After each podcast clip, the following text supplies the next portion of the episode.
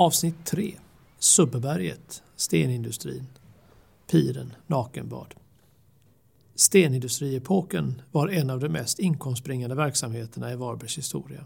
År 1855 började firman Kullgrens Enka ifrån Bohus Malmön att bryta sten i Varberg och då i berget det så kallade Stora fästningsbrottet som man idag kan beskåda resten av alldeles intill Varbergs fästning och simstadion. Utmed Varbergskusten låg under perioden fram till och med första världskriget ett drygt 20-tal stenbrott av olika storlekar.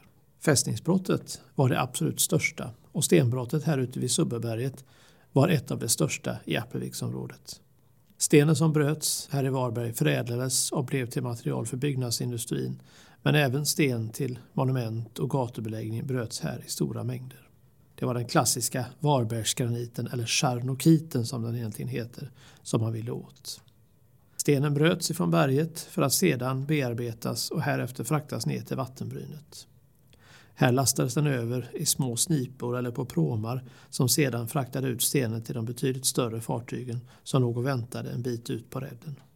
Marknaden för stenindustrin var i stort sett hela norra Europa och när verksamheten stod på sin topp omkring år 1900 räknar man med att ungefär 10 procent av Varbergs befolkning hade sin försörjning genom stenindustrin.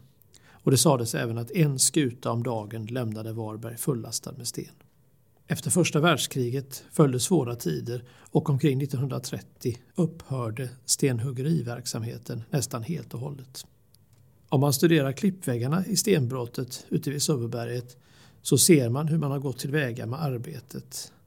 Men den naturliga vegetationen har tagit över och tagit tillbaka området mer och mer. Detta stenbrott fick namnet Skintan. Och stenbrottet på den nordliga sidan av Subbeberget kallas helt sonika bara för Subbe. Och firman som bedrev verksamheten här det var den tidigare nämnda firman Kullgrens Enka ifrån Bohus Malmö.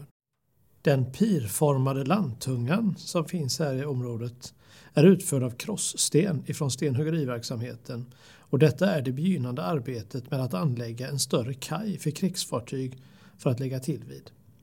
I april 1940 invaderades våra grannländer Norge och Danmark av Tyskland och man insåg det faktum att det egentligen bara var en tidsfråga innan Sverige skulle dras med och utsättas för krigets fasor.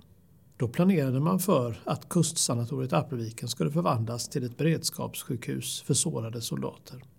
Planeringen drog ut på tiden. Kriget började som väl var gå mot sitt slut och det fortsatta bygget av den tilltänkta kajen upphörde. Men grunden av densamma finns kvar än idag. Uppe på Subbeberget står ett ståtligt fyrtorn. Detta är Subbe fyr som tändes år 1934 och ersatte då ett äldre fyrtorn som fanns på ön Skrivareklippan. Skrivareklippan ligger precis utanför strandpromenaden av Varbergs fästning. Fyren på Skrivareklippan är borta sedan länge men den gamla rödmålade fyrvaktarbostaden och redskapsskjulen står kvar än idag. Subbe fyr, som alltså står högst upp på Subbeberget, ger under dygnets mörka timmar ifrån sig 4 gånger 2 5 sekunders blink varje halv minut. En viktig utpost för sjöfartens säkerhet. Och ljuset ifrån Subbe fyr kan ses hela 17 nautiska mil vid bra väder och god sikt. På utsidan av Subbeberget finner man också riktigt fina badplatser om man tycker om enskildhet och nakenbad ifrån klippor och stenar. Ja, som ni förstår så har staden Varberg nästan precis allt att erbjuda.